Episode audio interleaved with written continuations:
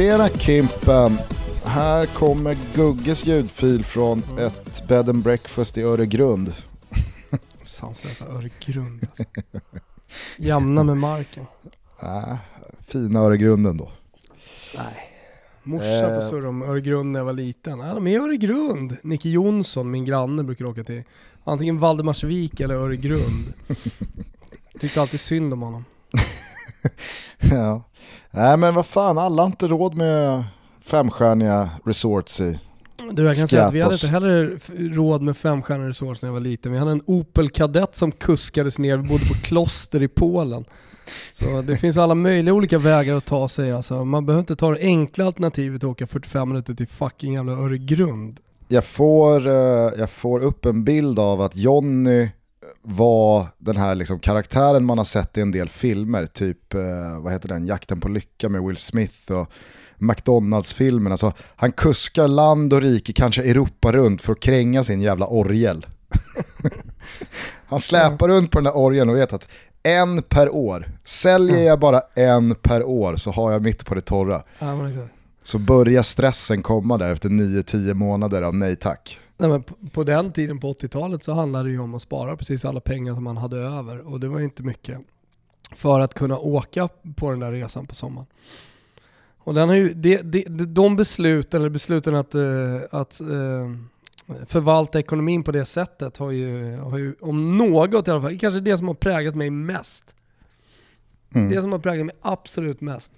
Och kolla vart det tog dig. för andra kulturer, för annan, eh, och i kulturer prata om mat, människor, språk och så vidare. Alltså vill, vill man ha barn som inte blir inskränkta, är du med? Mm. Är du, vill du ha barn som, eh, som, som, eh, som har lite perspektiv på livet och på världen, då ska man resa med dem. Och sen så kanske inte ett femstjärnigt resort hela tiden är, är grejen, men, men res i alla fall. Gör någonting. Åk Stella, fan inte till Öregrund. Stella och, och Alba... pissrestaurang. Stella och Alba hade behövt en svettig Opel Kadett i, liksom, med motorstopp någonstans i östra Polen. Ja men det för, för, att, för att bryta färger av, här i Grekland.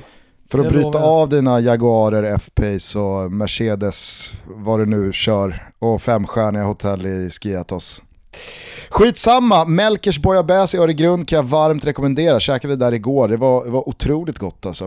Eh, men eh, känner er varmt välkomna till eh, Sommartutto. Det är fredag den 16 juli.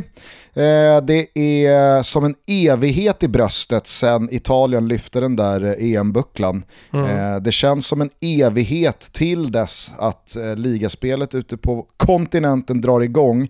Allsvenskan puttrar på i maklig takt, full omgång här med start imorgon lördag. Men det blir väl inte mycket mer mitt i sommaren mellan två fotbollsår än just idag. Nej, det kanske, det kanske är just den här dagen då. då som på något sätt får eh, markera den. Att, eh, att vi står mitt emellan två saker. Och precis på samma sätt som att den här dagen då kanske markerar det absoluta slutet för säsongen 2021 och kanske definitivt markerar någon slags slutpunkt på coronapandemifotbollen så kom också beskedet nu här på morgonen att Sebastian Larsson efter 133 landskamper gör som Marcus Berg, gör som Micke Lustig, gör som förmodligen Andreas Granqvist, eh, och tackar för sig. Eh, och i och med det alltså, så Granen, blir det liksom... helt ärligt, han har alltså officiellt inte tackat för sig eller? Jag tror inte det. För det borde väl ha uppmärksammats i sådana fall på, på samma sätt som förbundet ändå har uppmärksammat ja. här nu. Eh, Micke Lustig och, och, och, Sebastian Larsson och så vidare. Det är ett värdigt slut. Men eh, det här får ju mig att känna att visst, Zlatan i all ära, det är klart att det, det går ju aldrig att jämföra någonting Eh, med någonting som innehåller Zlatan. Dessutom så var det Andreas Isaksson och Kim Källström. Det var ju en, det var ju en ryggrad och en centrallinje på kanske ett annat sätt som la av då efter 2016. Sen fanns väl då Erkan Sengin åkte med i någon svallvåg där, Pontus Wernblom lika så. Men eh, det Han här också blir... av ja, Wernblom. Han slutade väl med fotboll igår? Ja, jag tror...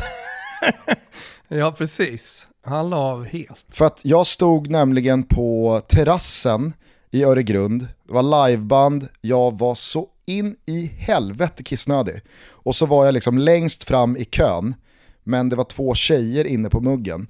Och en kille kommer fram till mig bakom mig och säger, är, är det Gustav Dahlin? Är det Tutto Balutto? och jag liksom försöker dämpa eh, blåsan och kör bara liksom, jajamän, tjena tjena. Såg du att Wernbloom la av? Mitt i pissnödigheten bara, va? Va? Det är nästan psykedeliskt på något sätt. Alltså pissnödigheten ihop med ja, situationen. Ja, det var så, alltså, det, var- det var, det som, det var liksom, det det var så Federico jävla... Chiesa igår när han, eh, när han stod på ett dansgolv, jag om du såg bilderna. Ah, herregud, så, ra radios, ja, men så, radiostyrd, eh, så radiostyrd han ser ut, Akesa. Ja, ja. Alltså, han, det var någon som skrev det i kommentarerna. Han kollar ju såklart bara på sina fötter som har förvandlats till två stycken lysande enhörningar. jag tyckte den var klockren. Precis. Men, men man ser ju ändå att i ryggmärgen så finns ju reaktionen upp med tummen, vinka lite, fotbollsproffsen, liksom 14 års ålder. Det där bara kommer naturligt. Precis på samma sätt som att det har börjat komma, förmodligen för dig också, men för mig, med folk som då liksom, någon vill säga någonting om Toto, någon kommer fram och det är, liksom, det är skitkul och man blir så jävla glad varje gång någon säger att de lyssnar på podden och att de tycker det är bra och så vidare. Men just den här oväntade dimensionen av att mitt i pissnödigheten, pang på rödbetan, såg du att Wernbloom har slutat med fotboll? Jag blev, jag blev så jävla ställd.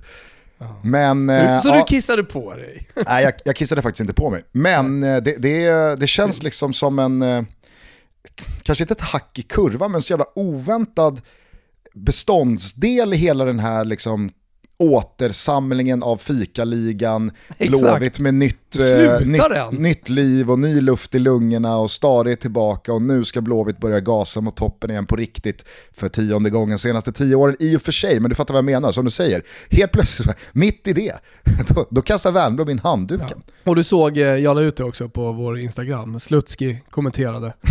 Ja, så- Det borde ha slutat för fem år sedan, så gick jag in och kollade på när Slutski tränade honom i CSKA Moskva. Ja, det var ju för fem år sedan såklart. Han Ja. har väl sagt till honom där då att det, det är dags nu Wernbloom. Men det är väl så, Oskar Hiljemark slutade ju alldeles för tidigt med sin karriär här nu alldeles nyligen med 28-29 år gammal. Eh, dock verkar lycklig, eh, fick något eh, meddelande här från Fager, Karl Fager som har varit med honom genom hela karriären. Eh, om att eh, han såg jävligt mycket fram emot, han fått en stor chans nere i Danmark att eh, vara assisterande tränare tror jag. Ja, någon slags tränare i alla fall i det laget han spelar i. Och eh, var lycklig. Eh, men, och sen nu då med eh, Wernbloom, det är också fysiskt ju. Alltså hade Wernbloom kunnat så hade han väl spelat till han var 45. Det är väl också en stor skillnad på Wernbloom och Hiljemark ändå. Alltså Nej nej men jag menar bara att åldersmässigt. fysiken, båda två är ju, alltså, såklart det är stor skillnad om du är 28 och slutar på grund av fysik eller om det är Ja. eh, mellan 35 och döden och slutar med, med, med fotboll. Jag, jag menar inte det, jag menar bara att det, det, det jag, jag vet inte vad jag menar, Alltså, jag menar bara att det är fysik på, på Wernbloom. Och Fast sen vill i jag få sagt att fall- Oscar också har slutat. I Wernbloms fall så tror jag dock att man inte ska underskatta liksom, koefficienten att man som utlandsproffs under många år, man har spelat i landslaget, man har tjänat enorma pengar, för det ska man komma ihåg, det har verkligen Wernbloom gjort. Han, han var en av de bäst betalda i CSKA Moskva i ganska många år. Han gick till PAOK som liksom firad rysk mästare, Champions League-spelare eh, och, och hade väl en 30-35 millar eh, säkert per år i Grekland. Är det att han, 200 miljoner? Han kommer nog hem med rejält påfyllda konton och då tror jag, Kvartsmiljarden? nej men kanske är, kanske är kvartjarden där. Oj, oj. Ah, eh, skitsamma, det jag menar är i alla fall att jag tror att ganska många spelare som kommer hem, likt Pontus Wernbloom, jag tror att de får liksom en så här, när hypen har lagt sig, när, när vardagen kickar in och det är liksom matchförberedande träning, Mjällby borta, Strandvallen, buss, det är liksom eh, par hundratusen på läktaren här nu i, i uppstarten efter corona.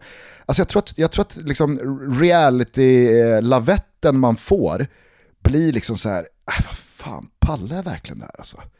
Pallar jag två år av det här? Det här, alltså, det här var kanske inte riktigt så som jag tänkte att det skulle bli. Och så är Pontus Wernbloom en av få som vågar agera på den känslan. Och säga, vet ni, det, det här var inte så jävla kul faktiskt. jag, jag skiter i det här. Men eh, som man har förstått så har jag liksom slitit med stora liksom, skadeproblem och jag, jag, tror framförallt den här känslan av att inte kunna ge maximalt. Man vet hur bra man har varit, man, man vet vad man egentligen kan prestera om kroppen bara är med igen. Och sen så får man inte ut det på planen på grund av att, eh, ja, att man har skavanker och, och är skadad sådär och man, man, man ser ingen lösning på det. Alltså, fan, har du, har, du, har du 250 miljoner på bankkontot då så är beslutet ganska enkelt. Ja, och jag tror att det i kombination med att man också känner att alla, inklusive en själv, förväntar sig att man ska vara mycket bättre än vad man är. För det är inte bara att komma hem och ställa ut skorna i allsvenskan. Alltså, det är det verkligen inte att göra, även fast allsvenskan är ett enormt steg ner rent kvalitetsmässigt för de flesta. Så är det inte så liksom att en spelare som är 33 plus, kanske har dragits med någon skada i, i, mot slutet av sin karriär, kan komma hem och gå på treans växel och vara helt otrolig. Alltså, det, det, är, ett, det är ett fåtal som har lyckats eh, komma hem, ladda om och hållit en nivå och snarare fått med sig ett helt lag, Lex då, Marcus jag... Rosenberg eh, mm. och så vidare, som snarare har lyft ett helt lag och varit väldigt bra i laget i sig. Men det, det är inte bara för vem som helst att kliva hem och, och, och lyfta ett lag och, och ösa in mål. Men jag, och... tror, jag tror framförallt det som är svårt och det väldigt få spelare liksom kan och har lyckats med för all del, det är att faktiskt växla ner och spela på en lägre växel och ändå, och ändå vara bra så att säga. Alltså antingen så är du max, eller så är du, eller så är du ingenting. Mm. Nej, kolla på Marek Hamsik. Alltså, Exakt, han, han maxade komma. säkert under några situationer i matcherna, men han maxade inte 90 minuter. Och eh, ja, men då kanske det blir ett drömmål, men det blir inte så jävla mycket mer. Nej. Men inte ens Marek Hamsik kan gå ner på växel 2 i Allsvenskan och dominera. Det går liksom inte. Och det Marcus Rosenberg gjorde var ju att han gick på högsta växeln hela tiden. Nej, fast, och, då blir fast... han, och då blir han också dominerande. Och det jag, skulle, skulle Mark Hamsik komma till Allsvenskan och gå på växel 5 och bara mata, eller jag har väl 9 i, i Mercan. Ja, hur som helst. Eh, då, då, då hade, det hade ju varit en annan sak. Absolut, men sen så, alltså, jag vill ändå minnas att Malmö och Marcus Rosenberg, jag vet inte hur, hur mycket de olika parterna var drivande i det där, men, men jag minns att Rosenberg under de åren också var jävligt smart i att portionera ut femmans växel. Mm han spelade ju inte 93 minuter varje match, varenda liksom bortamatch, varenda hemmamatch. Utan där var det snarare att man, man, man, man lät Rosenberg vila, skippa några matcher för att få så ut... Så att han kunde så, spela max? Exakt, så att han kunde maxa så många gånger som möjligt när han väl var ute på plan. Och det var ju ett jävligt smart matchande. Men det där kommer ju också med ett, med, alltså så här, det, det börjar ju och slutar ju med ett inre driv. Så är det ju bara. Och, och när det drivet försvinner, då, då, då, spelar det ingen roll om du har fysiken med dig eller inte. Då spelar det ingen roll vad du har på kontot eller eh, liksom, vad, eh, vad, vad du tänker att det här förväntar andra sig av mig. om du själv känner att nej, den, den, det där drivet finns inte, då kommer det aldrig gå. Liksom. Hörni, ni känner säkert till att jag tycker väldigt, väldigt mycket om Circle K, så det passar ju bra att eh, vi Toto Balotto är sponsrade av just Circle K. Eh, jag spenderar mycket tid eh, uppe hos eh, tjejerna, framförallt tjejerna, det är ett par killar som jobbar också, men, men tjejerna på Circle K i, i eh, Rönninge. Och det finns ju så många olika anledningar till att åka. Alltså dels så kanske barnen skriker efter glass här hemma. Ja då åker man upp och köper glass såklart. Jävla daltande egentligen. Eh, men, men så funkar det för mig. Eh, men eh, man måste ju såklart se till så att det, det finns drivmedel i bilen. Och nu kan man ju blippa bilen så det blir extra roligt varje gång man åker upp. Man får en sommarlott varje gång man är där. Man blir glad av att bara gå in på Circle K. Men de har väldigt goda korvar. Och, ja men många anledningar. Igår fyllde jag på AdBlue till exempel i bilen. Eh, men eh, en sak som jag tänker att inte så många tänker på när man åker till Circle K, det är ju det här med att tvätta bilen. Det ska ju folk pyssla med själva hemma. Men det är inte så hållbart hörni. Och jag vill liksom sträcka mig ut till både befintliga kunder på Circle K, men även eh, sådana som kanske inte har upptäckt det än.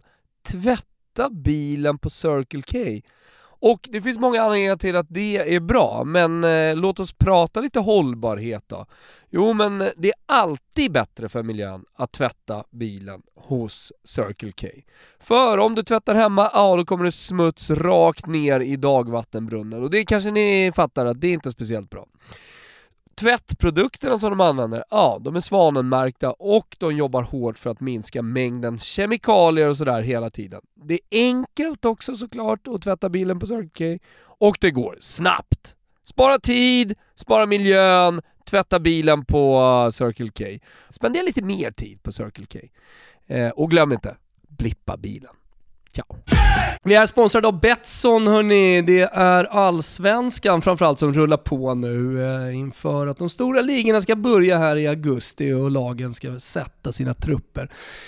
Vad har vi för Toto-trippel till helgen undrar ni? Jo, eh, jag och Gusten satt ner inför avsnittet och vi tror på över 2,5 i Degen mot Malmö FF. Vi tror att det blir över 2,5 mål också i Peking mot Häcken. Jävla match för övrigt, ser man mycket fram emot. Och eh, kanske inte helt förvånande, tror vi väldigt starkt på Blåvitt Eh, så de vinner och det är rak seger som gäller för dem.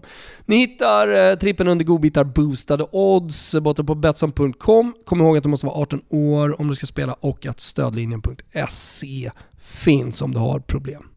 Vi är sponsrade av Simor och ni vet ju vad som stundar här nu när sommaren blir till höst. Telia har förvärvat rättigheterna till Uefa Champions League och de visar alla matcher, antingen via Telia men framförallt genom Simor. Så att utöver all fotboll från spanska La Liga och italienska Serie A så får man alltså alla matcher från Champions League i simor abonnemanget för 299 kronor. Det är liksom lite för bra för att vara sant tycker vi. När man dessutom adderar att VM-kvalet rullar vidare i höst, att eh, det, det, finns liksom PGA-tour och NBA-basket på det här som någon slags plusmeny, ja, men då blir det så vingelkantigt att jag, jag måste nästan sluta ögonen. Men tror du inte att det liksom inte stannar där? Vad då? då? Nej men nu, nu drar ju Simor igång nästa klubblagssäsong redan här och nu. I och med att man den kommande månaden visar runt 25 träningsmatcher med storklubbar som Bayern München, Dortmund, Inter, Milan, Roma, Lazio, Sevilla, Atletico Madrid. nyheter för mig. Samt Arsenal. Alltså det är bara lägga vantarna på simor abonnemanget nu och så är det bara spänna fast sig för säsongen 21-22 redan här nu i högsommarvärmen. Ja men eh, alltså helt ärligt, det här är någonting som jag har, jag har velat, jag har sökt.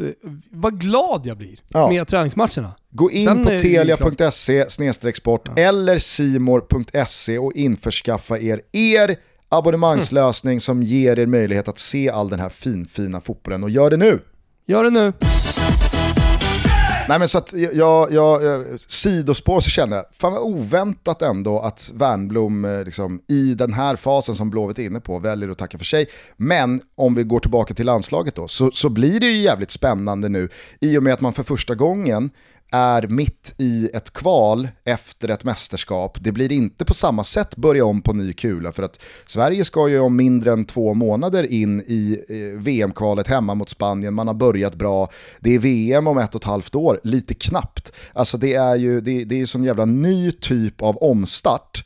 Och att kliva in i september då utan fyra spelare som mer eller mindre utgjort eh, en, en ryggrad och en kärna de senaste tio åren. Det blir ju jävligt intressant att se. Det, det kanske inte påverkar eh, startelvan till, eh, ja, vad blir det då, 35%. Men eh, det, det, det, kommer ju, eh, det kommer ju förändra landslaget.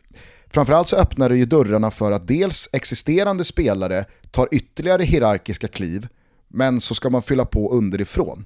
Mm utifrån det här nu, vad, alltså, vad ser du hända? Vilka spelare steppar upp av det existerande landslaget och vilka spelare ser du kommer in underifrån? Mm, ja men eh, det, det, är en bra fråga eh, och den kanske inte är så jävla svår än att bara gå tillbaka till de senaste två åren och se hur Janne Andersson har formerat landslagen, när spelare inte har varit med och vilka som har varit med i den här EM-truppen också. Men, men en sak som jag tror är jävligt viktig det är att Albin Ekdal, alltså de, de erfarna spelarna som fortfarande har ett par år till i sig, är kvar och, och ser till att det finns erfarenhet eh, när de här stora matcherna kommer. Så att eh, han, han får nog en ännu tydligare ledarroll utan att göra någonting, så att säga. Tänker att han blir, eh, han blir uttalad första lagkapten? För att nu försvinner ju liksom definitivt Granen, Sebastian Larsson och Marcus Berg, tre spelare som... Granen, liten ja, men... disclaimer på honom då. Braskis. Ja, fan. Braskis. Ja, men det känns väl ganska givet att det blir Albin eller Vigge som tar binden här nu. Mm. Ja, alltså, jag hade blivit väldigt förvånad om det inte blir Albin. Uh, och jag tror så här, är det någon som ska leda oss, är det någon erfaren och dessutom som person, så som Albin är. Nu känner vi honom bra båda två, men så, så är jag helt övertygad om att han skulle vara en alldeles eh, utmärkt lagkapten och lagpappa. nu känns det nog lite konstigt för honom att eh, kliva in i liksom Granen, Seb, Micke Lustig-rollen. Han får ta på, liksom, på sig alla kostymer här nu när landslaget ska samlas inför den här viktiga matchen mot, mot Spanien. Men, eh, men han får fan göra det. Eh, och det ska bli intressant så här. Säg, säg att vi åker på däng här nu. Säg att vi gör ett par dåliga matcher nu utan de här spelarna som har varit så kritiserade och alla vill ha in yngre, alla vill ha in eh, de tekniska, snabba. Jag har varit en som uh, har skrikit efter Alexander Isak och Dejan Kulusevski på topp uh, redan från förra hösten. Men det ska bli... tänk, tänk om vi skulle torska liksom 4-0 och kryssa den andra matchen, vilken, vilka vi nu möter. Grekland eller vad Ja men, var, var hamnar vi då någonstans? Mm. Eller hur? Ja, absolut. Jag måste säga det, jag tycker du skrev väldigt bra om, om Lustig här på, på våra sociala medier. När hans beslut offentliggjordes att han tackar för sig, jag, jag vill bara stämma in i den hyllningskören. Jag tycker att Micke Lustig har varit en otrolig eh, representant för svensk fotboll och det svenska landslaget. Och jag blir så jävla irriterad på folk som låter de senaste landskamperna och kanske liksom en, en viss nivåskillnad under ett knappt år i AIK allsvenskan styra någon slags sammantagen bild av Micke Lustigs karriär. Alltså jag måste säga att få spelare har hållit en så hög lägsta nivå i landslaget som Lustig har gjort i över tio år. Ja, det är he helt otroligt alltså. Ja, och herregud, han, han, han, han är fan inte orsak till eh, många mål. Eh, eh och han, eh, som jag kan minnas i alla fall, direkt orsak till mål heller. Eh, under, under år som han då kanske har varit lite sämre och gått ner i nivå när han flyttade hem till Allsvenskan. Eh, utan det, det, är väl snarare liksom i spelet framåt som kanske han fått kritik då, att inläggen kanske inte riktigt har suttit och sådär. Men jag tycker också, om man tar matchen mot Spanien, att han är jävligt smart. Alltså vad är erfarenhet rent konkret i slutändan? Jo men första touchen kanske inte sitter, men då ordnar han ju en frispark till oss istället. Mm, då filmar exakt. han ju. Exakt. Förstärker. Och det tycker jag, det är någonting så Ja men då kanske någon ser det där och tänker, ja men vad var det här för aktion? Tur att han fick frispark. Ja fast det var ju bra att mm. han löste en frispark. Då fick vi lugna ner det, vi fick stanna till, eh, den, eh, stanna upp den här pressen som Spanien har på oss. Det händer, det händer ju sådana grejer också som, som jag i alla fall inte tror att alla tänker på. Precis, och jag tycker att mellan, de här, mellan de här avslutande landskamperna, som, som absolut inte var Lustigs bästa i karriären, och eh, den där stolpen eh, som han inte höll eh, helt tätt eh, 2012, så har han ju, alltså det måste jag säga, han har ju spelat en oerhört viktig roll i att faktiskt behålla bron mellan folket, eh, det mediala och landslaget under en modern fotbollstid där polariseringen har blivit allt större för varje halvår som gått och det har blivit mer distanserat och det har blivit mer slutet, det har blivit mer stängda träningar. Spelare har kört silencio stampa utan att man riktigt har fattat varför. Eh, det har varit eh, bojkotter och det har varit inga kommentarer och sarg ut. Under alla de här åren så har ju Lustig varit så jävla generös, öppen, han har eh, haft glimten i ögat, han har dessutom alltså, balanserat det med att vara jävligt kritisk. Kommer du ihåg där kring eh, hösten 2015, playoffet Danmark, när Lustig i Kanal 5 sändning va? var jävligt tydlig med att liksom, nu, nu eh, passar det och nu, eh, för att då tycker han att det har varit för kritiskt. Och, alltså han, han är ju en av få som vågar liksom vara sig själv och våga, våga, våga vara ärlig. Och, jag måste säga att jag, jag, tror att väldigt många med mig har liksom haft en bättre relation och syn på landslaget de senaste 6-7 åren. Väldigt mycket på grund av Micke Lustig. Mm. Nej, jag håller med.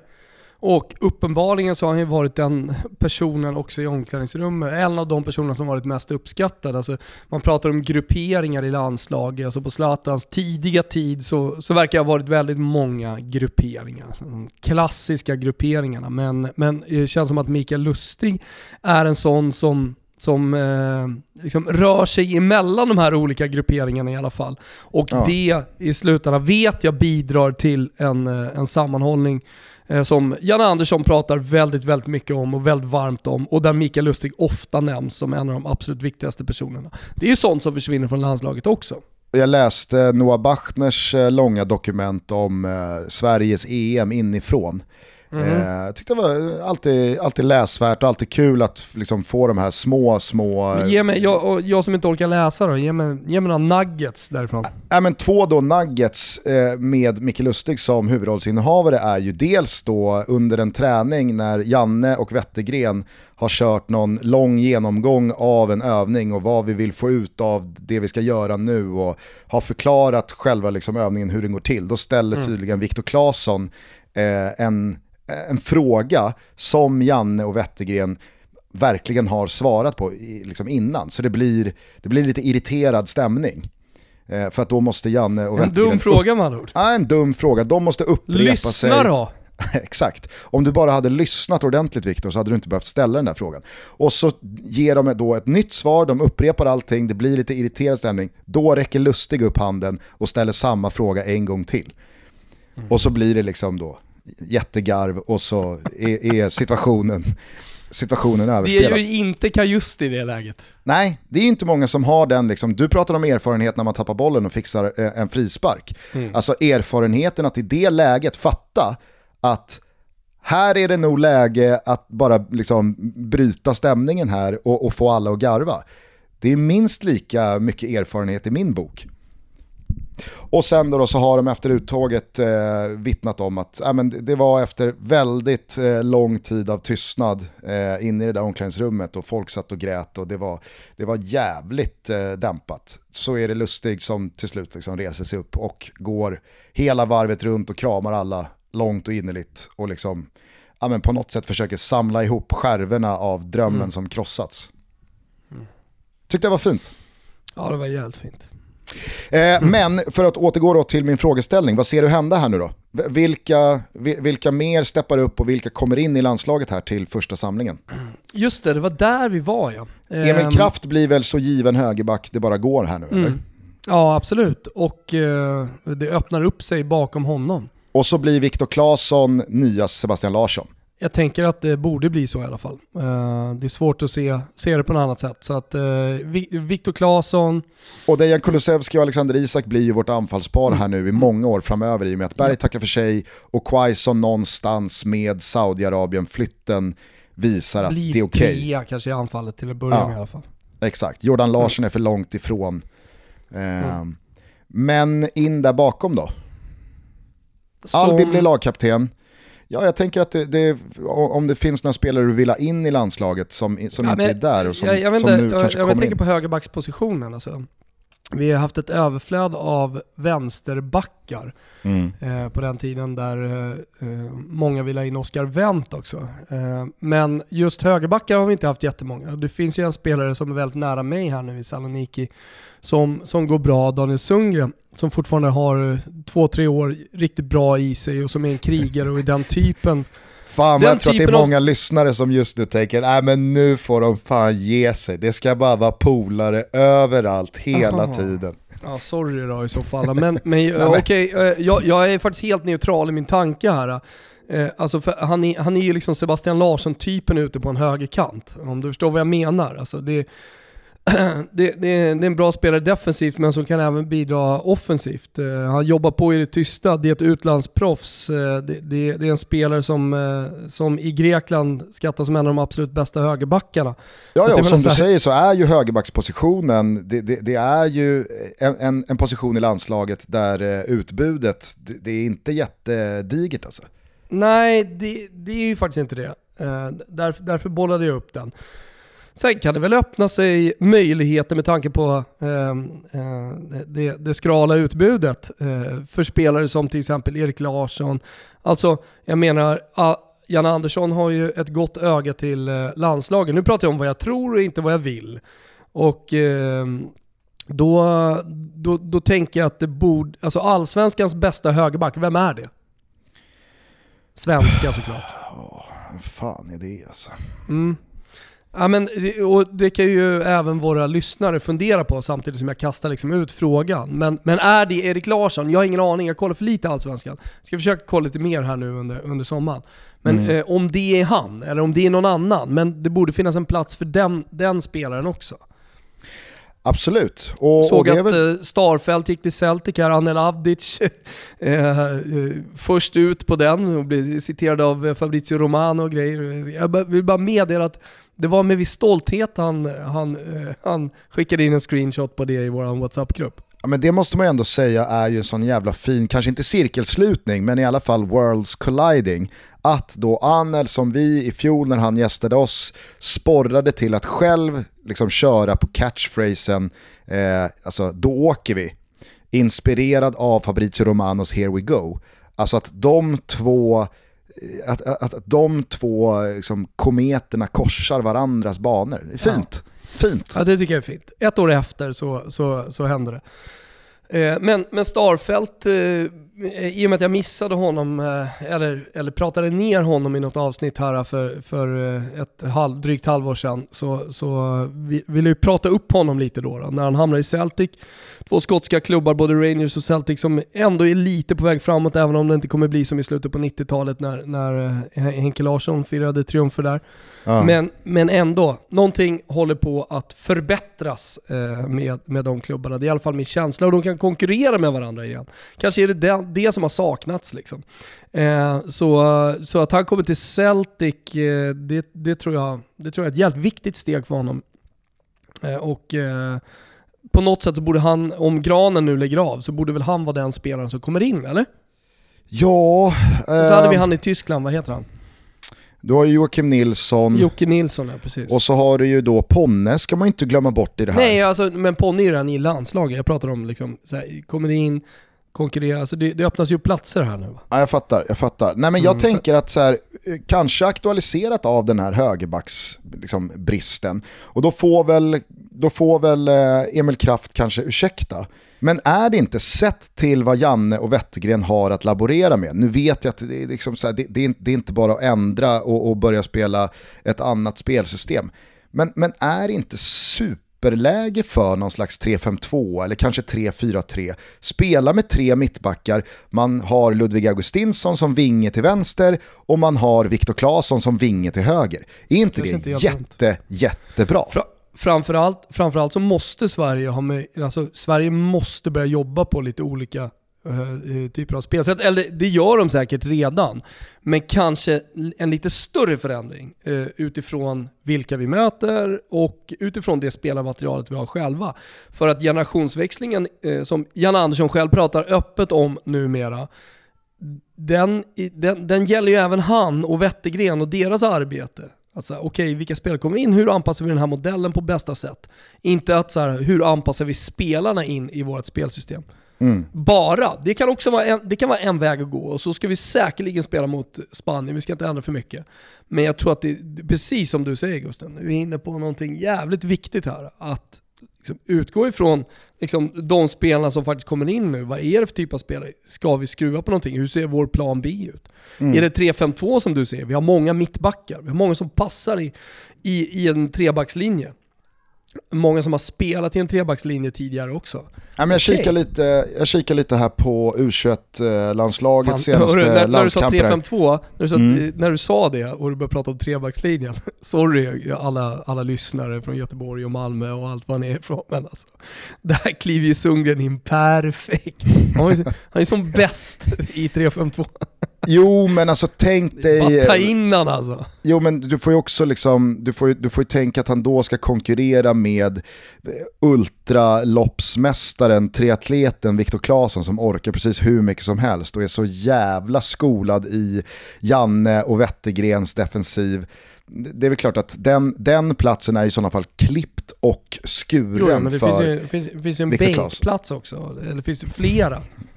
Så Emil Kraft tror att efter åtta långa år på kvisten, nu är det liksom my time to shine.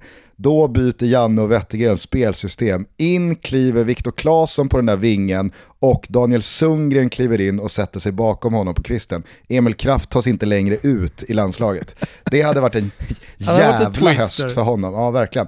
Ja, nej, men som sagt, jag kikade lite här på U21-landslagets senaste landskamper här i eh, början av juni.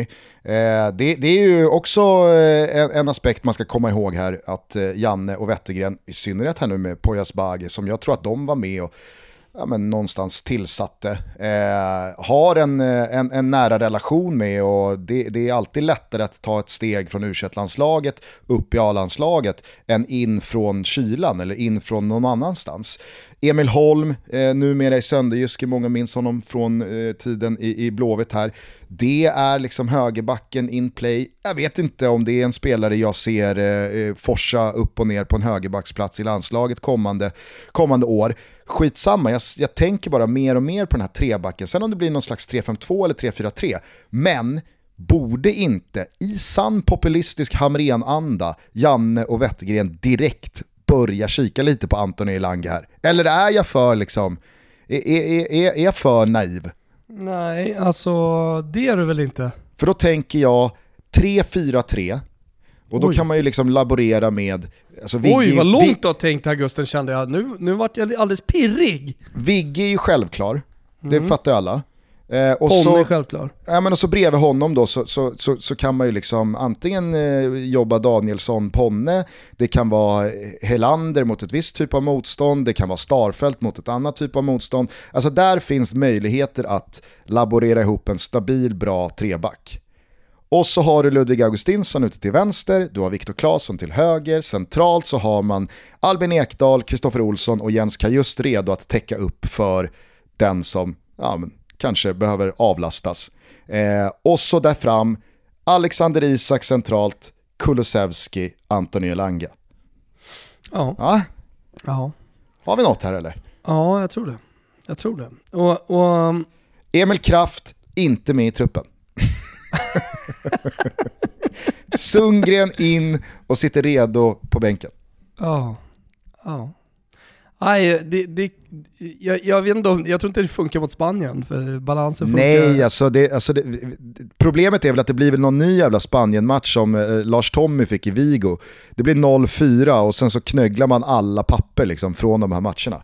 Och så, och så är det bara tillbaka till 4-4-2. Se Sebastian Larsson plockar ner skorna igen från björken, snurrar på sig dem igen. och, ja. och, och, är med i oktobersamlingen. Janne accepterar inte att alla slutar samtidigt. Någon måste vara kvar. Då är det såklart Seb som får vara kvar. granen, granen räcker upp handen.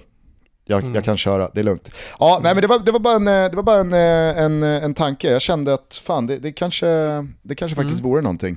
Jag ska bara säga det på tal om spelare som lägger av. Vi är inte bara Sverige. Alltså Robben har lagt av nu.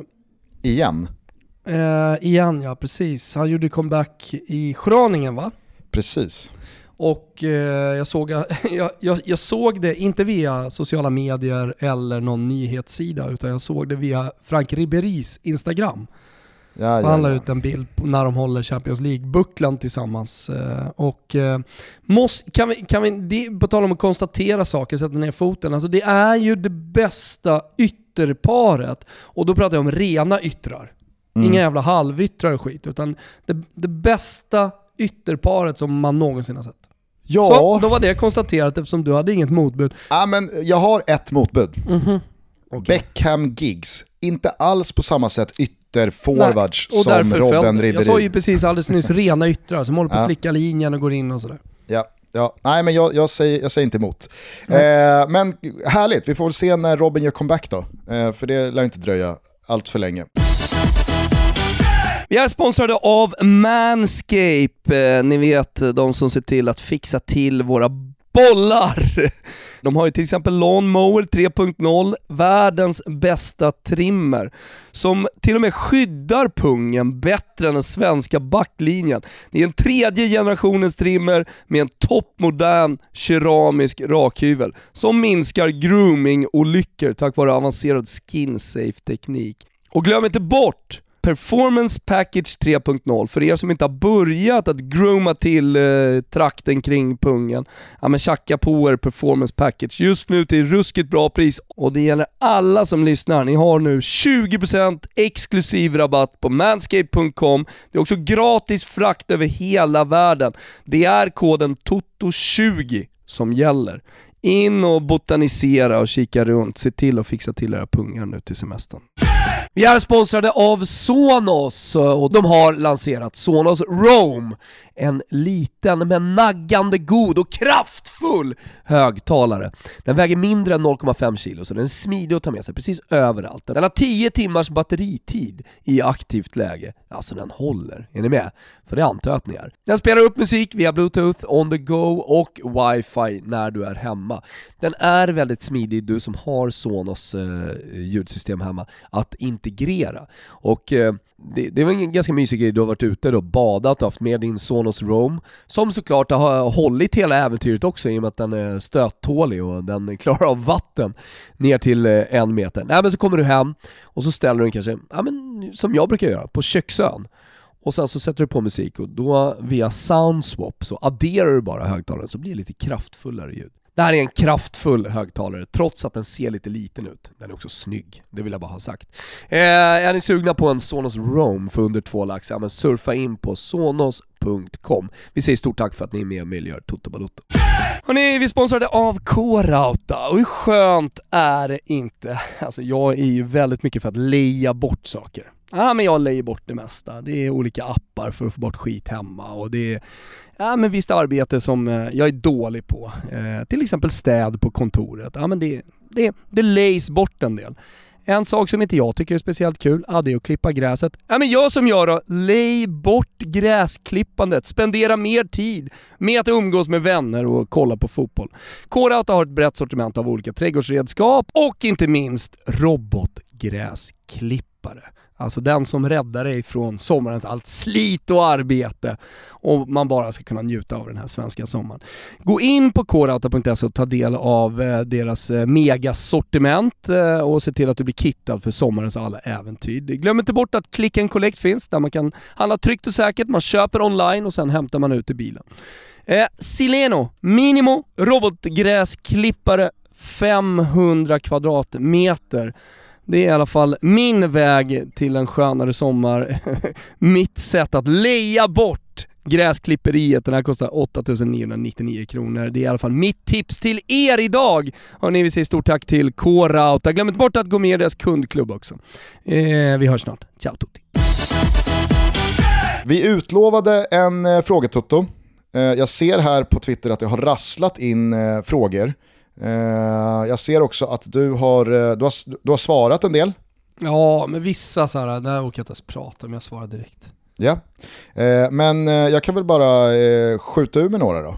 Ja, vill du ta på dig någon slags moderatorroll här eller? Mm. Mm, absolut. Jag har frågor framför mig här. Alltså. Ja. Eh, Ace Petrovski, han ställer en fråga. Varför har Italien ett blått matchställ när mm. flaggan inte har något blått i sig alls? Mm. Vad konstigt va? Ja, men jag tycker det är, det är en, ganska rimlig fråga så här i EM-guldtider. Ja, exakt. Ja, men det är samma som Holland. Det är kunga, kungahus, gamla kungahuset eh, på den tiden som Italien var eh, monarki. Va? Eh, det var i Savoy-familjen eh, och då pratar vi Genoa, Sardinien, alltså Ligurien och eh, Sardinien. Där härstammar de ifrån och eh, i deras sköld så finns blått och det är den azurblå färgen som är deras. Och därifrån har man den blåa färgen. Precis som Holland då har också kungafamiljens orangea färg. Fattar. Kungahuset Bra. kanske man ska säga. Eh, Robin Wikman, han undrar när vi ska sluta jinxa hans eh, Göteborg. Mm. Jag tänker ibland att folk liksom tar den här jinxen på för stort allvar. Kanske framförallt vår jinx det, det, vi säger och gör här. Men eh, såg, man inte, såg man inte det vi liksom trodde att Blåvitt eh, skulle varva igång med eh, här i senaste matchen mot, mot Vi, vi jinxar vidare, på den frågan jinxar vi vidare. Ja, ja, alltså jet, jetmotorn, eh, jetmotorn är igångvarvad nu. Mourinhos första år i Roma, vad krävs för att Gusten Dahlin ska vara nöjd då? Alltså jag måste säga att eh, det, det, det jag vill att Roma ska vara, det är ju det Mourinho representerar. Alltså Mm. jag räknar med att José Mourinho får en spelargrupp som Roma att tro på att ja, men, vi kanske inte kommer vara världens bästa fotbollslag på ett halvår och slåss om eh, titlar direkt.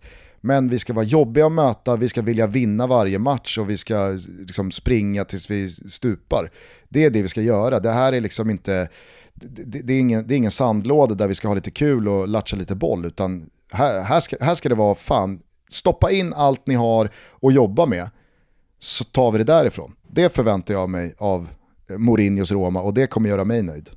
Mm, Okej, nej men eh, jag vet inte hur mycket du har konsumerat av eh, José Mourinho så här långt i, i, eh, i Roma, men eh, alltså det engagemanget som har skapats i klubben, det har inte jag sett i alla fall sen, jag höll på att säga sensi-tider, men, men det, det, det är ett jävla drag kring den här värvningen, plus att eh, Ja men det, det är nya ägare, det, det, det är inte nytt visserligen, men, men ändå att det börjar hända saker med Roma.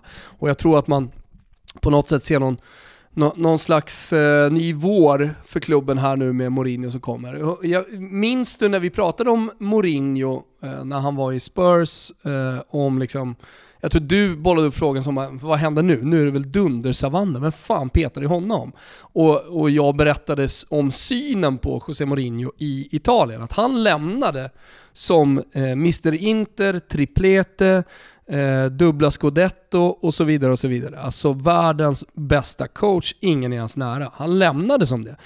Och då, då spelar de här åren i England, till och med de bra grejerna han gjort, alltså ingenting spelar någon roll. För han kommer komma tillbaka till Italien som om han har varit i ett vakuum. Och eh, man minns tiden där. Och vad är det för frågor han, vad är det, vad är det det pratas om? Liksom, vad är det för Mourinho man pratar om i Italien? Det kanske är Mästaren. naivt eller historielöst, men, men vad är det för, vad, supportrarna pratar jag om nu. Ja men det, det är ju det är Inter Mourinho, såklart. Alltså Exakt. det är ju det är, det är, det är the special one som har kommit tillbaka till Italien. Och jag ska säga det också, eh, när Conte kontaktades och sedermera också kom då till Inter, så var Mourinho sur. Det är någonting som har kommit fram här. Han, eh, han var sur att inte han fick det första samtalet, för han ville tillbaka till Inter. Men eh, alltså det där sammanföll väl eh, på ett omöjligt sätt ändå. Alltså det var väl lite som i Real Madrid-snacket. Att eh, när, när Real Madrid väl gjorde Inget sig av med. Zidane och det hade kunnat bli, eller, och det då sen blev Ancelotti så hade det kunnat bli Mourinho. Men Mourinho var ju så tidigt på, liksom klar för Roma-tåget. Nej men det, det, det, det alltså, jag, jag, jag, han, han ville ha ett samtal från Inter. Ja, ja men okej. Eh, det, det, det, är väl, och jag tror att vi underskattar hur tidigt sånt här börjar, eh, oftast, inte alltid, men men oftast. s- så är det ju säkert. Och eh, sen så får vi väl se här vad som, vad som kommer ske rent eh, spelaromsättningsmässigt för, för Roma här nu, eh, inte minst kommande dagar, veckor. Granit Xhaka, är det, liksom en, pussel, är det en pusselbit att, att bygga ett nytt lag på? Ja, det, det kanske det är. Jag tyckte han, tyckte han tystade ganska många tvivlare under Europamästerskapet här. Rui Patricio in i målet, jättebra. Alltså, det, det, det tycker jag är en, en väldigt klok eh, värvning. Men sen så behöver det ju såklart göras grejer. Vad händer, alltså, är Dzeko, är det, är, det, är det fortfarande eh, frontmannen? Men eh, nej, jag, jag tror att... Men jag tror eh, att, jag, alltså vi har precis börjat, jag tycker det är många, många lag, eh, många klubbar i, i Italien som har inlett ganska offensivt ändå och det, det har hänt mycket, framförallt på tränarsidan, men då tar det också kanske lite tid då innan man förstår och är med på, alltså från sportchefshåll, exakt hur det ska värvas och vilka spelartyper man vill ha och sådär. För det har varit, eh, det, det har varit en, en jordbävning eh, på tränarmarknaden i, i Italien. Vem och varför vill ni se som Milans nya nummer 10? Eh, ja, jag, jag läste faktiskt en, en dubbelsida om eh, eh, Olivier Girouds eh, ankomst, eh, för han kom igår till Milano och fick utsett Forza Milan också såg jag här inför eh, läkarundersökningen på morgonen när vi spelar in det här. Eh, om just nummer 10, alltså det är inte lätt att ta 10 i Milano. Nej. Och man är, han, han, han får nu råden av folk att inte ta nummer 10. För att det har blivit fiasko så många gånger nu på slutet. Men eh, alltså, alltså, samma gäller väl framförallt nian i just Milan. Ja, det är ju frågan vilket nummer han ska ta här nu. Eh, nummer 9 är ju lite av tabu efter Filippo Inzaghi. Det går Han- ju att rabbla ett pärlband av anfallare som har försökt med nian i Milan men misslyckats Alexander, ganska Alexander kapitalt. Pato. Ja. Eh, jag har faktiskt en lista här från Gazettan. Alexander Patro, eh, 2012-13. Eh, eh, han tar då nian, han har haft sjuan innan, han tar då nian. Han gjorde fyra matcher, noll mål. Eh, Alessandro Matti, ett mål på 19. Fernando Torres, ett mål på 10. Och så vidare. Mattia Destro, Luis Adriano, Gianluca Lapadula, André Silva, Gonzalo Higuain, eh, Piontek och Mario Mandzukic här senast. Eh, så alla är med på... Eh, men jag tror att han tar nian. Ja, fast borde det inte vara så att liksom Zlatan en gång för alla liksom bara... Det blir bomber. Ge mig det där jävla numret så ska jag visa Mm. Liksom, hur, hur, hur det ska gå till. Jo, kanske. Kanske. Kanske. Eh, men som tia i Milan, det känns väl som att eh, det, där är en, det där är en position och eh, framförallt en, en, en spelarkvalitet som man måste ha för att ja, men fortsätta bygga vidare på den fina säsong man gjorde eh, här nu 2021. Och även fast Hakan Calhanoglu inte är, det, det, det kanske inte är topp, topp, topp, eh, i synnerhet inte över tid, så är det ju ett, det, det är ett jättetapp för Milan. Eh, I synnerhet eh, så här långt in i liksom, fasen av nästa säsong. För att det blir inte billigare eh, för varje vecka som går här nu att lösa en nummer 10-spelare eh, som, som ska bära den kreativa offensiven. Eh, men eh, det, det är ju liksom såklart en, en helt orimlig tanke, men hade det inte varit en jävla fin match med Jack Grealish? ja, det är nog bara en tanke. Jag tror Jo, inte absolut. Varken har bara- nej, råd jag- eller alltså, så- ögonen där. Du fattar, du fattar vad jag menar. Ja, jag ja. tänker bara att så här. Jack Grealish i den röd-svarta Milan-tröjan Ja, med tian på och ryggen. Mm. fan, nej, så ja, ja, där. nej, nej. Jag, jag, eh, jag signerar det direkt. Jag är med på det tåget. Det hade kunnat bli mysigt alltså. Det hade Ja, kunnat bli riktigt mysigt. verkligen. Eh, men eh, nej, fan, eh, annars så känns det väl som att det borde kunna gå att plocka någon spelare i... Eh, jag ska se. Ja, men jag har det, jag har den. Mm. Jag har fan en... en, en, en alltså det, det, det är väl en chansning, så mycket en chansning blir. Men eh, fan vet om det inte kan bli riktigt, riktigt konkret. Coutinho. Alltså Barca måste släppa Coutinho. Både av liksom eh, lönekostnader och eh, ekonomiska anledningar. Han har varit i Italien förut. Han är ju en spelare som i sina bästa stunder håller absolut världsklass. Fan, borde inte Milan plocka Coutinho? Jag tror inte de har råd. Nej, Okej, kanske inte. Men Alltså, det, kän- eh, det man känns som att dem... man kommer man aldrig få mer spelare för så lite pengar som man kan få Coutinho just nu. Nej, jag vet. Men eh, man har haft eh, Brahim Diaz på lån. Och det surras om honom och liksom en lösning där. Det pratas om Isco. Det pratas om Damsgaard, din gubbe där. Alltså är du med? På, liksom, vil, vilk, vilken typ av spelare det pratas om. Jo, absolut, men Coutinho är ju inte prime Coutinho i Liverpool.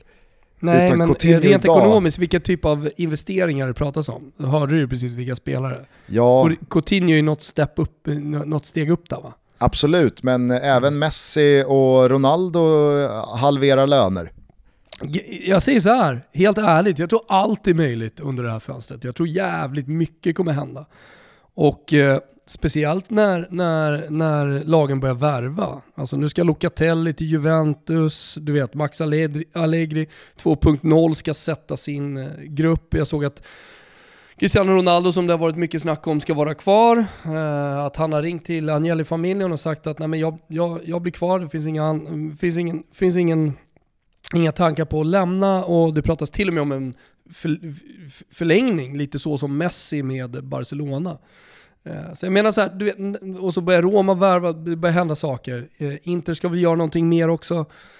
Då, när, när den kapprustningen börjar så, så tror jag att eh, ja, men det dyker upp situationer. Coutinho kanske vill till Milan, ja men då löser man det. Alltså, nu, nu, nu får han bara symbolisera just eh, typer av värvningar som kan dyka upp.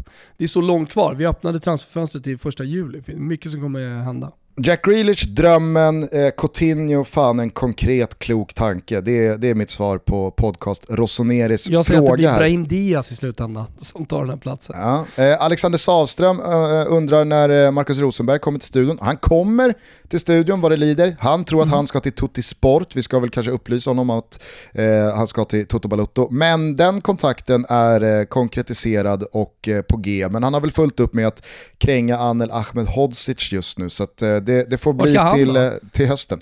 Eh, Atalanta eller Napoli läste jag Marcus Rosenberg uttala sig om i italiensk media här i morse. Oj. där är i alla fall sig i mest italienska konkret. medier? Ja, om jag inte vänder helt upp och ner på Pavlidis headlines. Eh, Simon undrar om eh, det kanske inte är en bra idé att implementera lite innebandyregler konsekvens i fotbollen. Sluta läsa där. Ehm, eh, Det är många man slutar läsa av de här frågorna känner jag. ja, nej men Simon eh, tänker här, plocka upp boll eller sparka iväg den efter motståndarens inkast frispark. Då är det gult. Felaktigt avstånd, gult. Rimligt eller vill vi ha kvar Furbo? Det är klart att vi vill ha kvar Furbon. FCB Hamrin eh, undrar vilka vi har som Champions League-vinnare 2022 just nu. Det finns väl bara ett svar på den frågan. Alltså, PSG, PSG. måste väl ha positionerat sig i pole. Jo men, eh, och, och, jag, jag säger gärna det så folk garva och så nej men de kommer vika ner sig igen och sådär. Men eh, jag, jag eh, kommer, kommer, precis som förra året, tro på PSG eh, långt i den här turneringen. Så att det, jag kommer inte säga någonting annat förrän kanske i, i, ja, när de åkte ut i mars 2022. Och så får jag dumstruten på, men uh, jag, jag tror stenhårt PSG. Lägger in stor peng på att de vinner Champions League tidigt. FCB Hamrin undrar även om eh, vilka vi tycker är de bästa någonsin, både spelare och manager. Eh, jag säger Francesco Totti och eh, Jan Andersson. Nej men jag säger Sir Alex Ferguson, jag har sån jävla soft spot för Sir Alex. Eh, vad säger jag då? Ja, men eh, alltså ska jag gå på hjärta och sånt där så säger jag Prandellis tidiga år och sen säger jag världens bästa fotbollsspelare i Maradona. Så. Ja, ja, nej. Vad är det för frågor? Kom igen nu. Många som undrar om eh, ekonomin kring eh, Tuttar. Vad kostar det att sponsra? Hur mycket drar ett avsnitt in? VPL-spikerna, kan ni inte prata lite om ekonomin kring er podd? Vore intressant att lära Varför sig är mer. det så jävla intressant? Nej, men det, är väl, det är väl alltid intressant för folk att veta vad, vad, vad saker och ting kostar och vad saker och ting tjänar. Det är väl rimligt. Vi kan väl Ring säga Charlotte att... eh, Mikander och prata med henne. Jag, ja, men helt ärligt, jag har fan ingen aning om vad den här eh, podden drar in totalt och så vidare. Utan det, är, det är priser som ändå... Är det så så här, priserna för den här podden är precis vad, vad det kostar sett till antal lyssnare. Och eh, vi är ju Sveriges största sportpodd så vi har väldigt, väldigt många lyssnare. Och en lyssnare kostar ju ett visst pris. Eh, och sen exakt vad det priset är, det ändras väl också. Och sen kan man ju deala med Charlotte då, som, som sköter allting för oss. exakt, Om man, är eh, intresserad så kan man mejla totobalutta.gmail.com och sen för vi vidare till Charlotte Mikander. Och sen får man se, jag har ingen aning om, om det landar i att man är med i, liksom, i, i podden eller inte.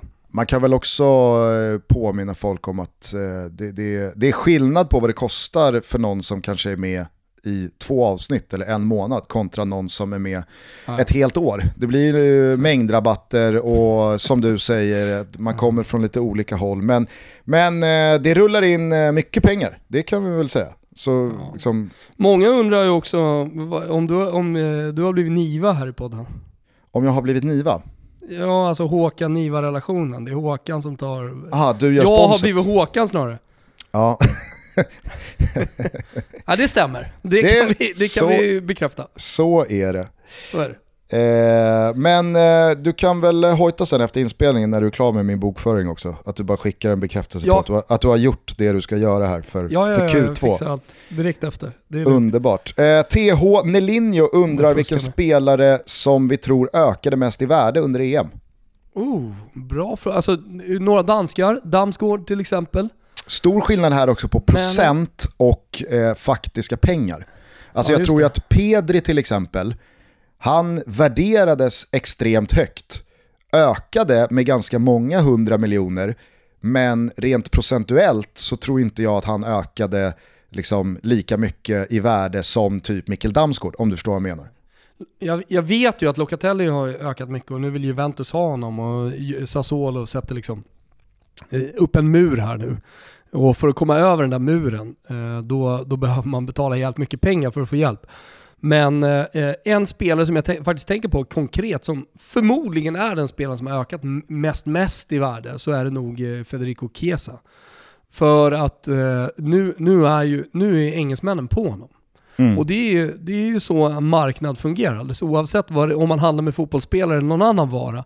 Att eh, vak, vaknar den största, mäktigaste marknaden till och helt plötsligt visar intresse, ja då jävlar ökar priset. Och det är inte bara en klubb, utan det är flera klubbar som är ute efter Federico Chiesa nu från England. Eh, från, från England. Och han spelar redan i Juventus. Så eh, jag skulle säga att, eh, jag skulle nog säga Federico Chiesa om vi ska välja en av de stora, så att säga. Men eh, mindre vet jag inte. Alltså om man tänker på kvartsfinallag, alltså det är ingen av de här stora lagen som har åkt ut tidigt. Eh, men det är italienare. Men eh, in, in, ingen specifik, jag menar så Marco Verratti, Jorginho, de här, det, det är redan etablerade spelare som man förväntade sig mer eller mindre de prestationerna av som de, som de sen stod för. Procentuellt, eh, så, borde väl, eh, procentuellt så borde väl Joakim Mähl ligga ganska bra till Ja men med Damsgård såklart. I värdeökningar. Mm. Eh, jag kan tänka mig att en spelare som Doku, mm. Som alla utom eh, Glenn Strömberg eh, liksom stiftade, stiftade en ny bekantskap med. Eh, han, han gick nog ganska många hundra procent upp i värde av de matcherna, kanske framförallt matchen mot Italien han gjorde. Eh, Albin undrar eh, vad som var EMs största flopp, spelare eller lag. Eh, jag vet inte hur du vill eh, svara på frågan. Det var flera. Alltså, är det inte jämnt skägg lite grann? Um, Frankrike ja. floppar ju stenhårt tycker jag. Alltså, sett i förväntningarna, för det är väl, det är väl så man definierar en flopp. Uh, man har förväntningar och sen så eh, går åt helvete, det blir fiasko och sådär. Eh, så jag, jag trodde ju Frankrike skulle gå hela vägen till final. Ja, och där blir väl Kylian Mbappé, han, han, blir väl liksom den individuella floppen i floppen ja. Frankrike. Ja, sett, jag, jag trodde han skulle göra mycket bättre, jag trodde Frankrike skulle göra mycket bättre, men Mbappé är absolut en av de spelarna, kanske den som står högst upp där. Mm. Tyvärr.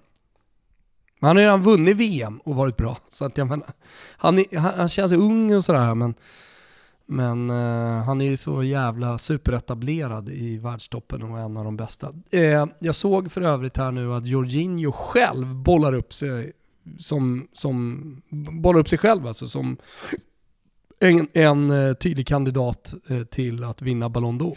Det blir Messi fattar ju alla, men, men, men Jorge, ingen har vunnit lika mycket som mig. Han är väl den enda i Chelsea, den enda italienaren i Chelsea. Eh, nej, eh, han är den enda italienaren i Chelsea som spelar, men Emerson eh, tillhör väl eh, Chelsea. Mm, han ska inte vinna Ballon d'Or. men jag hör vad du säger Gustav. Det hade varit kul ifall Emerson ja. liksom parallell Nej, men, eh, Han vinner Champions League och han vinner och är MVP eh, i Italien. Ja, absolut. Men... Eh, Topp fem sen om, om, om det tvistar väl de lärda fortfarande. Vad är egentligen Ballon d'Or? Är det ett pris som delas ut till den bästa fotbollsspelaren alldeles oavsett vad som vunnits? Eller är det ett pris som delas ut till den som har varit med och vunnit mest? Eller är det en kombination? Alltså, en kombination. Jag, jag tycker ju att eh, alltså, Argentina hade kunnat förlora finalen mot Brasilien.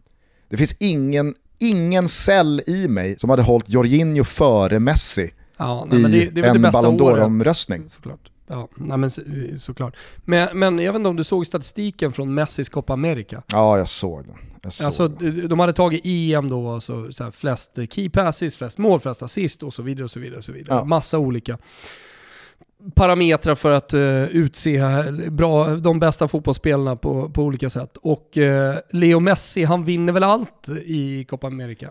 Ja, det var väl Så. någon kategori han delade med någon annan och det var någon ja. kategori där den som var bäst i EM var bättre än Messi. Men Messi var som sämst delad etta i Copa America. Mm. Och i majoriteten av alla Mät. kategorier så var han bättre än den som var bäst i EM. Ja, exakt.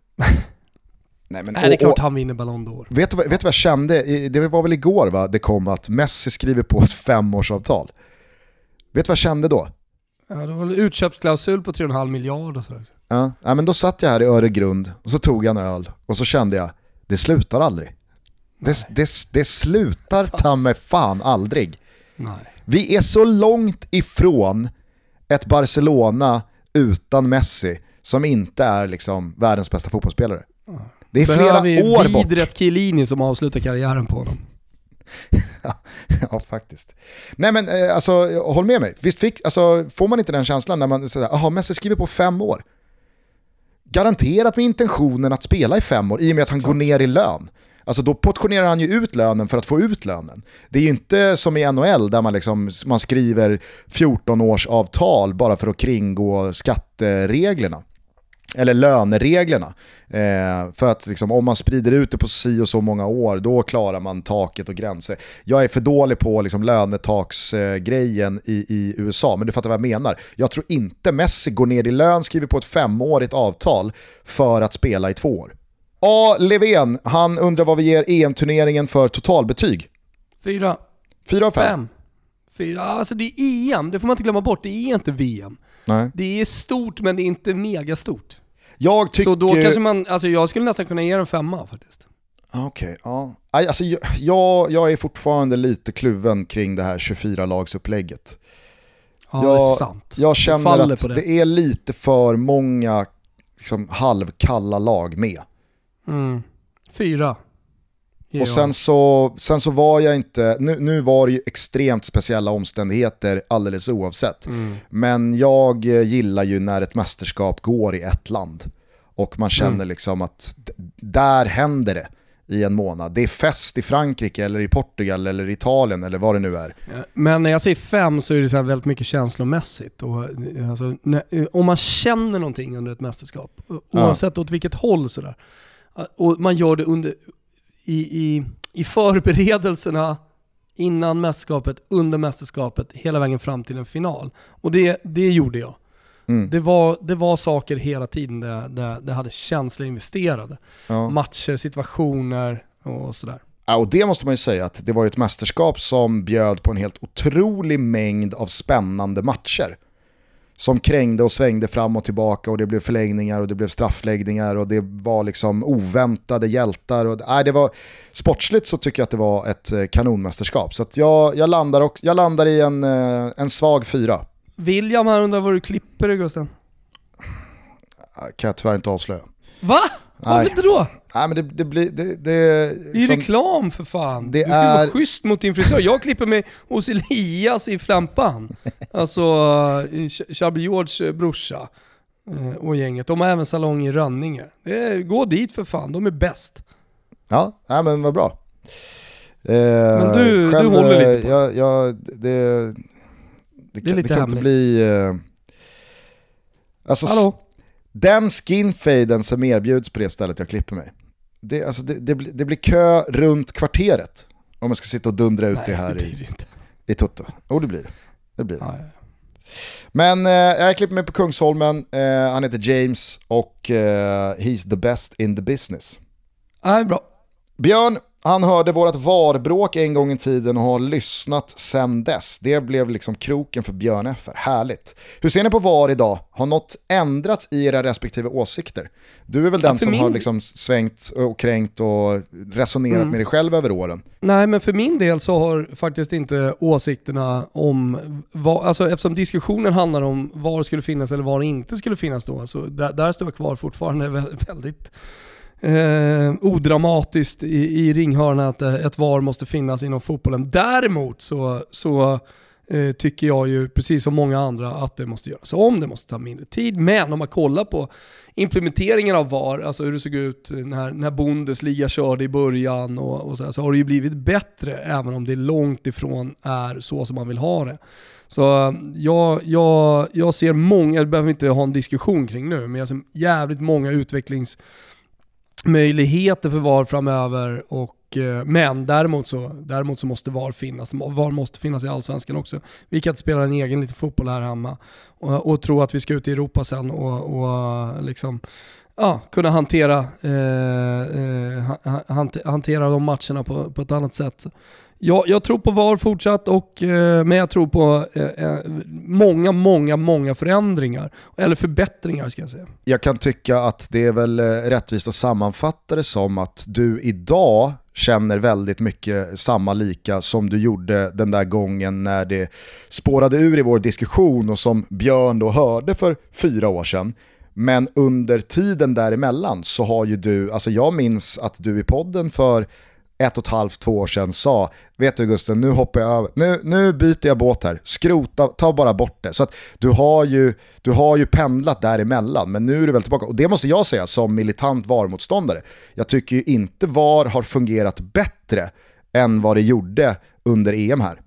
Jag tycker att man hittade en frekvens som liksom kom bort från de här fyra minuters knäskålsdragningarna i Premier League Eh, jag, jag, tycker att man, liksom, man hade faktiskt ett, ett, ett bra flow.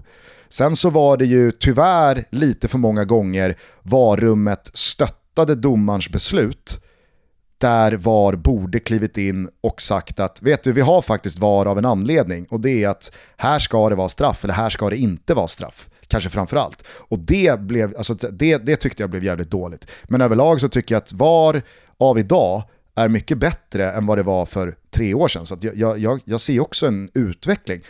Med det sagt så, så, kan jag absolut se var svänga åt fel håll snart igen för att man blir liksom man blir gud, man, man blir för sugen på att få bukt med precis allting och sen så går man bort sig i var, var gränserna går liksom och vad som är för mycket och vad man måste faktiskt släppa. Och, så att jag, jag, är, jag är långt ifrån eh, liksom, nära att bli optimistisk och positiv till VAR. Jag vill ha bort det och jag tycker inte VAR hör... För mig så, så liksom, fotboll ska dömas av tre människor och det får gärna bli lite fel här och där. Eh, inte för sakens skull, utan det är en nödvändighet när människor utövar någonting. Eh, jag, jag vill hellre ha det så och att det jublas på mål och att linjemannen vinkar korrekt offside 97-98 gånger av 100. Det får väl bli fel två gånger då. Det, det är liksom, så, så har jag det.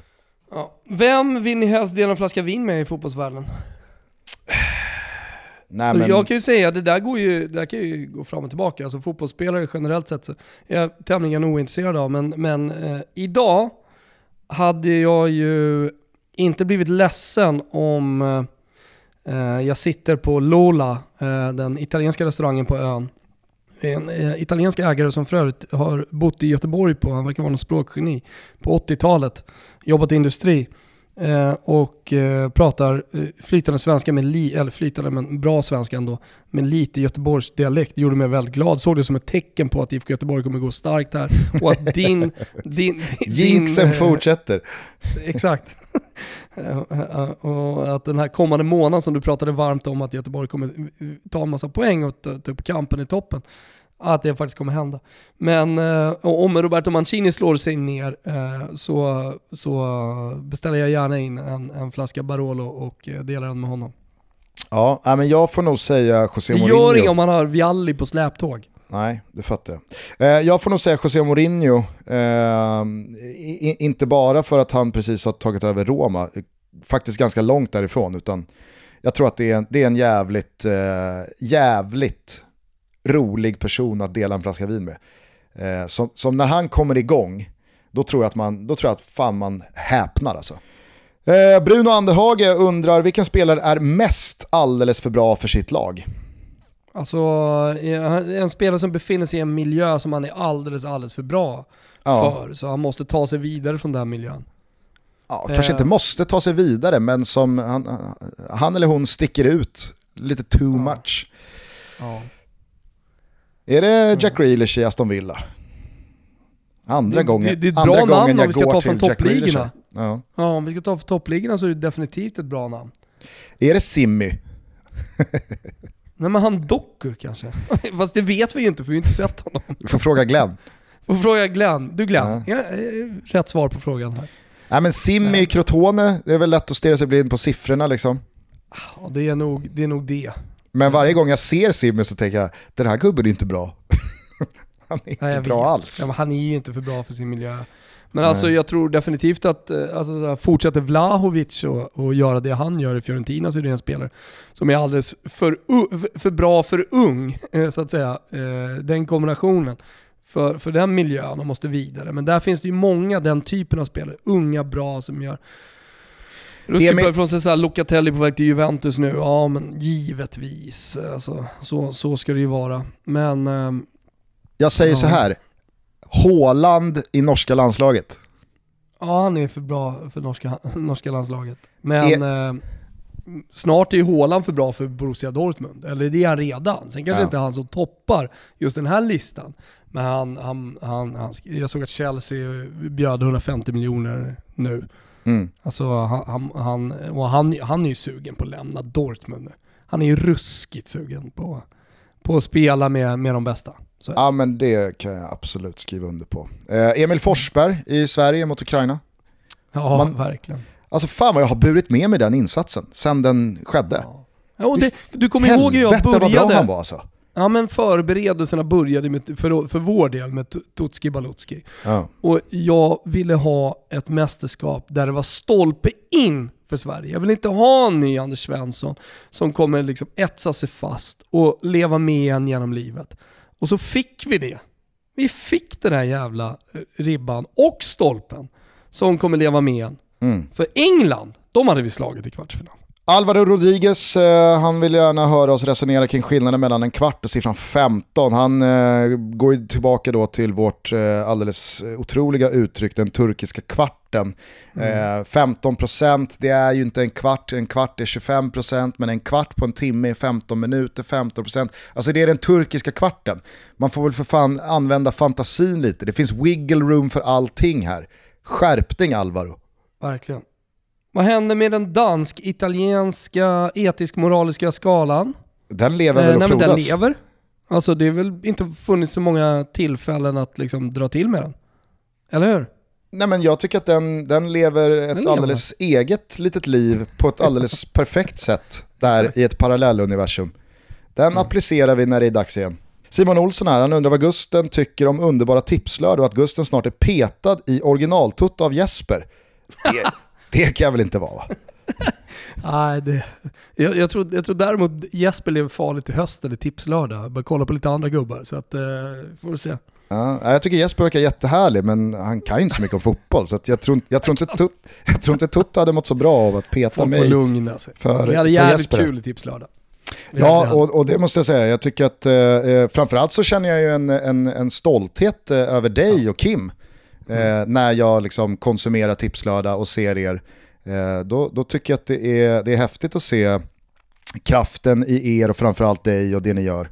Eh, så att eh, jag, jag, jag, ser, jag ser på och tycker om Tipslördag på ett väldigt varmt sätt. Vi är startgroparna, det- det blir, blir nya grejer. Framförallt så verkar det vara ett jävla drag kring hockeyn på torsdagar. Ja, Helvete. jag har sett här att eh, liksom, Toto Balotto har avgrenat sig. Ja, jag pratar lite eftersom eh, Simor eh, är med oss ju hela tiden i Toto, så pratar jag lite med Simor. Alltså, så lite kan jag hockey Gusten. Så Mm. jag visste inte att de kallade sina sändningar för Hockeytorsdag på torsdagar. Så startar jag en eh, variant eh, och kallar det för Hockeytorsdag.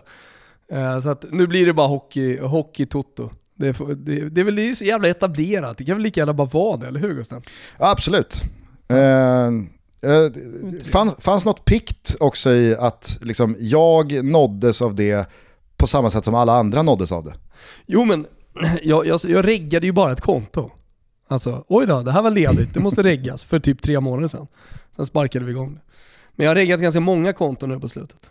Hörru du, eh, ska vi börja runda eller? Ehm, det är väl eh, så att vi har varit igång ganska länge. Det blev en lång och härlig diskussion måste jag säga om landslaget här och framtiden. Ehm, ja. Eh, var står damfotbollen om 2-5? Det är många sådana, den typen av frågor. 2-5-10 år. Alltså snabba, snabba, snabba svaret är att eh, spelarna tjänar mer pengar, eh, övergångssummor är högre, eh, man, mm, ja, man går framåt. Alltså damfotbollen kommer i takt med att storklubbar satsar mer och mer, förutom Manchester United som fullständigt verkar haverera på damsidan. Men, eh, men eh, annars är det viktigt nu att ha eh, akademi med flickspelare och det är viktigt att ha ett damlag för, för de stora klubbarna. Och varför är det det? Jo, för de ser ju såklart en möjlighet att, att liksom dels haka på tåget, men att produkten hela tiden blir bättre och dyrare och att man kan tjäna pengar på det. Så att eh, damfotbollens eh, framtid ser otroligt ljus ut. Har du döttrar eh, och funderar på vad de, ska ha, vad de ska pyssla med och de inte riktigt vet själva, sätt dem i ett fotbollslag. Det kan vara lukrativt. Jesper undrar här om vi helst skulle haft en robotarm eller ett robotben. Robotarm, det är väl skitbra. Då kan man programmera den och göra massa saker. Mm, exakt. Jag tror också jag hade tagit robotarm. Och så hade jag kalibrerat fram en perfekt golfsving. Ja men du ser. Det, precis, fan. Det är, jätte, det är till, kanske till och med det man vill ha. Pelle Towerstick, vilket är det bästa firandet efter en match som ni varit med om? Är det när Lucarelli juckar tröjan eller?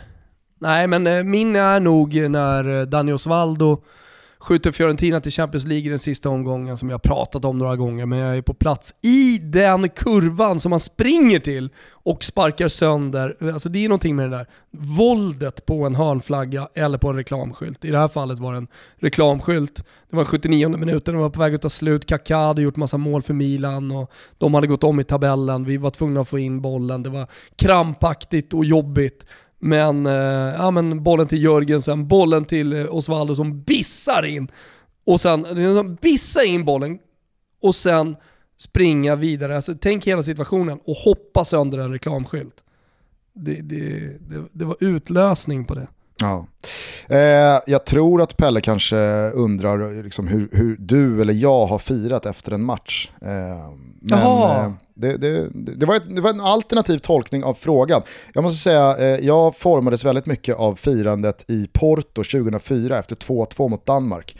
Det var, det var, liksom, det var första gången eh, som, som jag liksom var på plats utomlands, kände väldigt, väldigt starkt för liksom, resultatet i sig och jag hade då åldern inne, in, inte, inte, på, inte på svenskt papper, men man hade i alla fall någon slags fysisk ålder inne för att vara en del av också det, det vuxna firandet med alkohol och allt vad det innebar. Jag skulle precis fylla 15, det var 2004, Sverige hade gått vidare, 2-2, danskar, svenskar, man hade skickat ut Italien, det var liksom, nej, det, det, det, var, det, det, är ett, det är ett firande efter en match som jag minns med oerhört mycket värme. Ja, men jag jobbade ju på San Siro den där kvällen. Det är klart att det också var en otrolig upplevelse. Alltså, det var känslostorm inom mig i och med att jag stod på två sidor. Men eh, det, det, det, är något som man aldrig kommer glömma. Karl Arildsson, eh, tror han heter, här skriver. Ser några trovärdighetsproblem när en journalist lånar ut sitt namn och röst till uppmanat till spel, byggmarknad, läsk eller vad det som helst? Samt var går gränsen anser ni för hejaklacksjournalism? Han menar hejaklacksjournalistik antar jag. Eh, nej men eh, alltså vi gör ju Toto, jag vill bara, det, om, om det nu kommer upp här som en fråga, vi gör ju Toto precis som vi vill. Och eh, jag har, eh, och det vet ju du Gusten, inga som helst ambitioner att vara journalist. Då hade jag jobbat kvar på Expressen. Då hade jag förmodligen varit ja, men Det var det jag skulle säga. Det, vilka journalister menar han? Ja, exakt. Det är inte jag i alla fall. Jag är en podd eh, och sen så gör jag mm. Tipslördag. Och det är roligt som fan. Eh, så att, och någon fråga här också, var tror ni var tror ni ni är om fem år? Alltså Toto kommer ju bara rulla, rulla på och förändras så med fotbollen. Förändras med små, små liksom, steg. Eh, men hela tiden ha kvar kärnan, alltså det som är du och jag. Vi kommer fortsätta, till skillnad från många journalister, att se 35 matcher i veckan, att läsa mycket, att ha örat mot asfalten. Eh, vi kommer fortsätta ha kompisar inom toppfotbollen. Jag kommer fortsätta pusha Daniel Sundgren till exempel och eh, hejaklacken kring landslaget. Ja, men den kommer jag fortsätta tillsammans med dig Gusten att leda eh, även framöver. Så det, det och, och reklam, ja alltså hej. Räkningarna måste betalas. Eh, så att eh, det, det, det, kommer fortsätta att vara reklam i allting som jag skapar och gör framöver. Så är det. Och tipslördag vet jag inte vad det kommer vara. Det är också det som är roligt. Alltså det är precis startat. Vi, vi får se. Vi mm. får helt enkelt se. Jag har ju också alltid varit väldigt noga med att inte kalla mig journalist. Jag tycker det, nej. det, det, det är ett hån mot riktiga journalister. Mm. det, är, det, det du och jag sysslar med, det är fan inte journalistik. Det är något helt annat. Det är något, podd. helt, det är något helt annat. Eh, hörru du, nu har vi varit igång jävligt länge. Eh, vi hann som alltid inte svara på alla frågor, men vi vill från botten av våra hjärtan tacka för allt engagemang. Inte bara i den där frågetweeten, utan i allt ni gör. Eh, folk som kommer fram på en eh, uteservering i Öregrund och rapporterar att Värnblom har kastat in handduken. Eh, folk som skriver till oss, som hör av sig, eh, som lyssnar framförallt och som eh, ja, men på ett eller annat sätt under fem års tid varit en del av och byggt upp den här podden. Eh, vi eh, siktar mot att eh, panga på här i fem år till. Eh, vi vill hälsa också från vår superproducent Kim Wirsén. Han är med oss i vått och torrt. Han är en lika stor del av den här maskinen som vi är och han älskar er precis lika mycket som vi gör. Så är det. Eh, får jag bara ta en sista fråga? För det är många som har ställt den. Vad händer med Bonne? Puni! Vinni! Jo men alltså han, vi, vi, han kommer tillbaka i podden. Alltså kanske får Ponne eh, ett uppsving här i podden lagom till att Marcus Rosenberg kommer och gästar oss. Ja. Eller hur? A- absolut. Och vi är jätteglada eh, för hans skull att det till slut blev Premier League. Eh, Herregud som jag satt och jobbade. Ja, eh, vi hade såklart hoppats på mer eh, Ponne i, i landslaget här under EM, men eh, Ponne och Tutto, oj oj oj, det är som den dansk-italienska etisk-moraliska skalan, den lever och frodas på ett alldeles Ja, ja. perfekt sätt. Så är det. Så är det. Det ska bli jävligt kul att se honom i Premier League. För övrigt, det är kanske är många som undrar då, ja vad händer här framöver? Ja, vi har två veckor av lite härligt distanstoto. Sen är vi tillbaka i eh, vår nybyggda studio som är lite, den behöver en liten renovering efter tipslördag en månad under, under EM. Men den är inplanerad ska du veta Gusten. Det låter bra. Eh, Det ska Det bytas lite grejer och sådär. Sen, sen kör vi, som Toto alltid gör, inför ligastarterna. Jesper. Hoffman kommer och gästar och så vidare. Exakt. Hörru du, eh, stort lycka till imorgon i den här eh, simtävlingen mot eh, greken.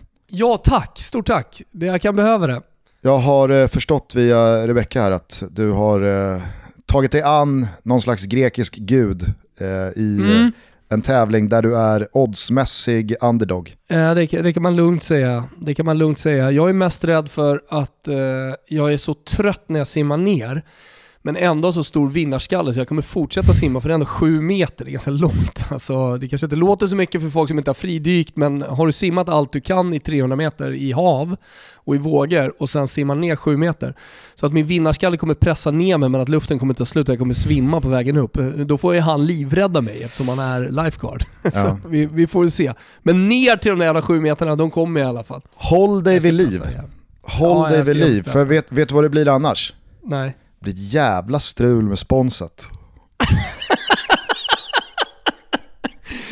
Ki- Kippa Rus- Wirsén in. Ruskigt strul med sponset alltså. Ja, ah, fan vad härligt att alla engagerar sig och tack för alla frågor. Jag ska gå in och svara lite under dagen här, ligger solstolen eh, på sånt som vi inte riktigt svarade på. Ehm, och Gusten, Ja. ha en, jävla, ha en jävla fin dag i Öregrund och hälsa Rebban. ja, det ska jag göra. Hälsa dina tjejer också. Ta Mm. en eh, alfa för mig. Det ska jag göra. Eh, så hörs Är vi... det alfa du kör eller? Absolut. Mythos Inte är... Mythos? Nej, Mythos Nej. är... Det, det, det är inte min grej. Alfa däremot. Ah, okej. Oj, oj, oj, det är bra grejer. Vi hörs igen på måndag. Eh, ha det så jävla fint till dess. Eh, inte bara du, utan alla ni som lyssnar. Vi älskar er. Ciao, tutti. Ja, ciao Tutti och allt det där. Gusten har, har det fint. Jag ska, jag ska bara få in här på tal om sponsret. Att Pepsi Max, de önskar att vi nämner att de har ett coolt Snapchat-filter i dagens podd. Så att jag nämner det nu. De har ett jävligt coolt Snapchat-filter. I, så, så gå in på Snapchat nu, alla ni som kör Snap. Och så teps, testar ni Pepsi Max nya filter. Här får inte du säga Gusten, men jag säger det. Och sen, eh, sen eh, önskar jag bara alla en jävligt fin dag. Ciao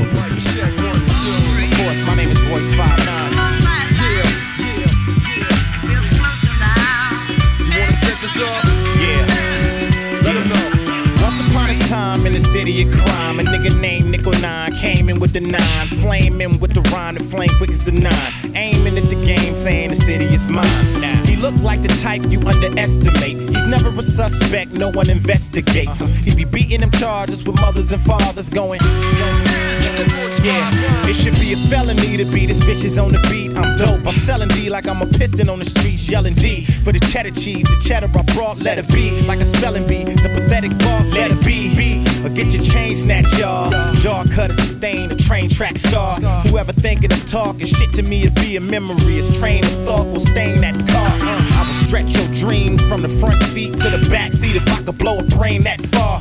Niggas wanna get to know me all cause the way I be spitting. Every hoe, every bitch in the city be going. Be going, be going.